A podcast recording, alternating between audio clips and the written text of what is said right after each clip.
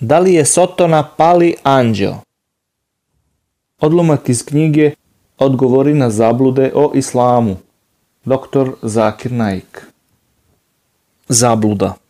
Da li je Iblis, Sotona, anđeo ili džin, biće stvoreno od plamena vatre? Na nekoliko mesta Kur'an ubraja Iblisa među anđele, ali u suri Kehf stoji da je Iblis bio jedan od džina. Zar ovo nije kontradikcija u Kur'anu? Događaji u kojima su spomenuti Iblis Sotona i Meleki Anđeli.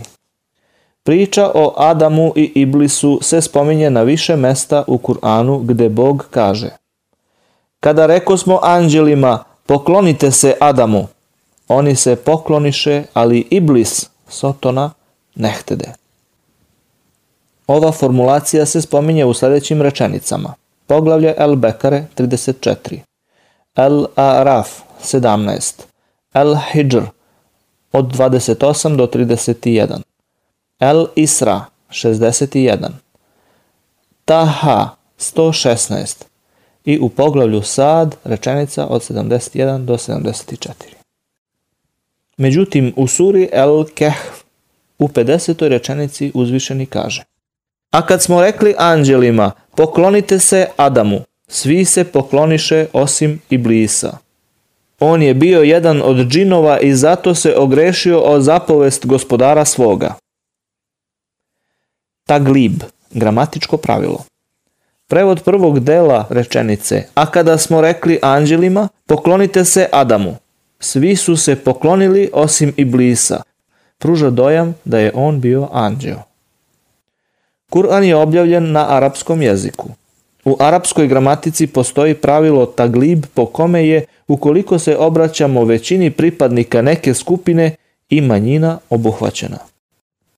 Na primjer, ako se na arapskom jeziku obraćate grupi od stotinu studenta, od kojih su 99 momci, a samo jedna devojka, reći ćete, momci ustanite. Ta naredba se odnosi na sve pa i na tu devojku. U arapskom jeziku ne morate da odvajate posebnim obraćanjem. Isto tako kada Kur'an govori o Božjem obraćanju anđelima, nije bilo potrebno posebno da odvaja Iblisa, koji je bio prisutan zajedno sa anđelima. Stoga iz prvog dela rečenice, to jest ajeta, možemo da zaključimo da je Iblis možda bio anđeo, a možda da to nije bio. Međutim, tada dolazimo do drugog dela ajeta koji jasno kaže da je Iblis bio džin. Ni na jednom mestu u Kur'anu ne kaže da je Iblis bio anđeo. Zato u Kur'anu ne postoji ni jedna kontradikcija. Džini imaju slobodnu volju i mogu da budu neposlušni. Osim svega navedenog, poznato je da džini imaju slobodnu volju i može da im se desi da otkažu poslušnost Bogu. Međutim, anđeli nemaju slobodu volje. Nemoguće je da oni budu neposlušni Bogu. Nema govora o tome da anđeo može da počini greh. Ovo je još jedan dokaz da je Iblis Sotona bio džin, a ne anđeo.